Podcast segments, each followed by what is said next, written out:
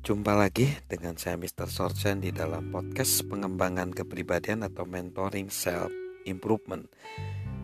Ketika kita membimbing, apa saja yang diterima oleh orang-orang yang dibimbing tadi kita sudah belajar tentang pandangan yang positif terhadap diri sendiri, merasa dilibatkan, lalu ada pola pikir dan sekarang kita akan membahas dua terakhir yaitu merasa penting dan harapan, merasa penting. Woody Allen pernah ber, pernah menyindir begini, satu-satunya penyesa, penyesalan saya dalam hidup ini adalah karena saya bukanlah orang lain. Meskipun ia mungkin mengatakannya untuk mengundang tawa, jika melihat masalah hubungan yang dialaminya selama bertahun-tahun, kita tentu bertanya-tanya seberapa benar kata-katanya itu. Dalam hidup ini, label yang ditempelkan dunia pada diri kita nyaris selalu identik dengan label yang kita pasang pada diri kita. Orang yang sangat menghormati diri sendiri dan yakin bahwa mereka penting biasanya dihormati dan dihargai oleh orang lain. Ketika kita tanpa pamrih membimbing orang lain dan membuat hidup mereka menjadi lebih menilai, lebih bernilai. Mereka menjadi merasa penting. Mereka menyadari bahwa mereka dihargai dan penting bagi orang lain.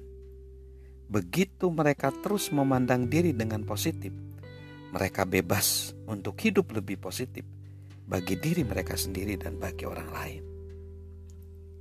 Harapan harapan. Penulis Mark Twain memperingatkan, menjauhlah dari orang yang mencoba meremehkan impian Anda.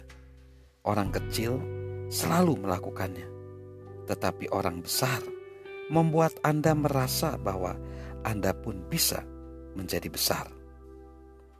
Apa yang dirasakan kebanyakan orang ketika mereka ada di sekitar Anda? Apakah mereka merasa kecil dan tidak penting? Atau apakah mereka merasa percaya diri dan memiliki harapan besar tentang bisa menjadi apa mereka nantinya?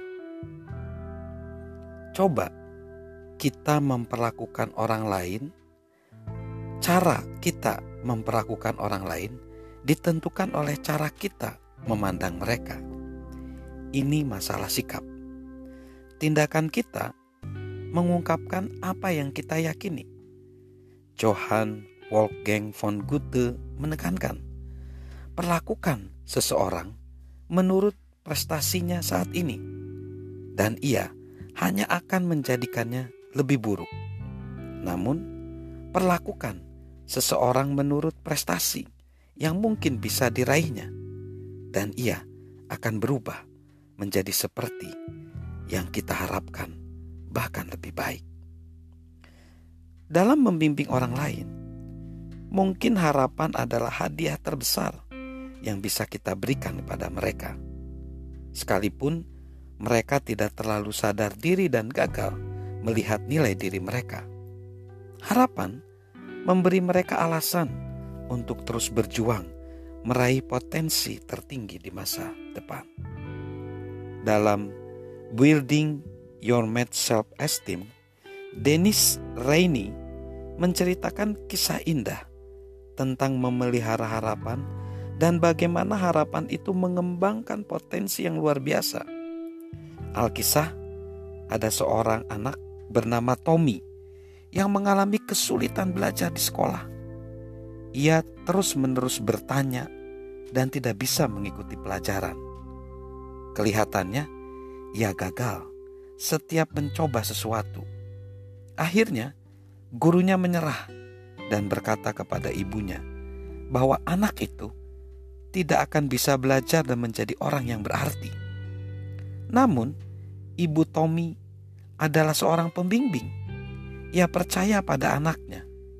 Ia mengajarinya di rumah, dan setiap kali anaknya gagal, ia memberinya harapan dan mendorongnya untuk terus mencoba.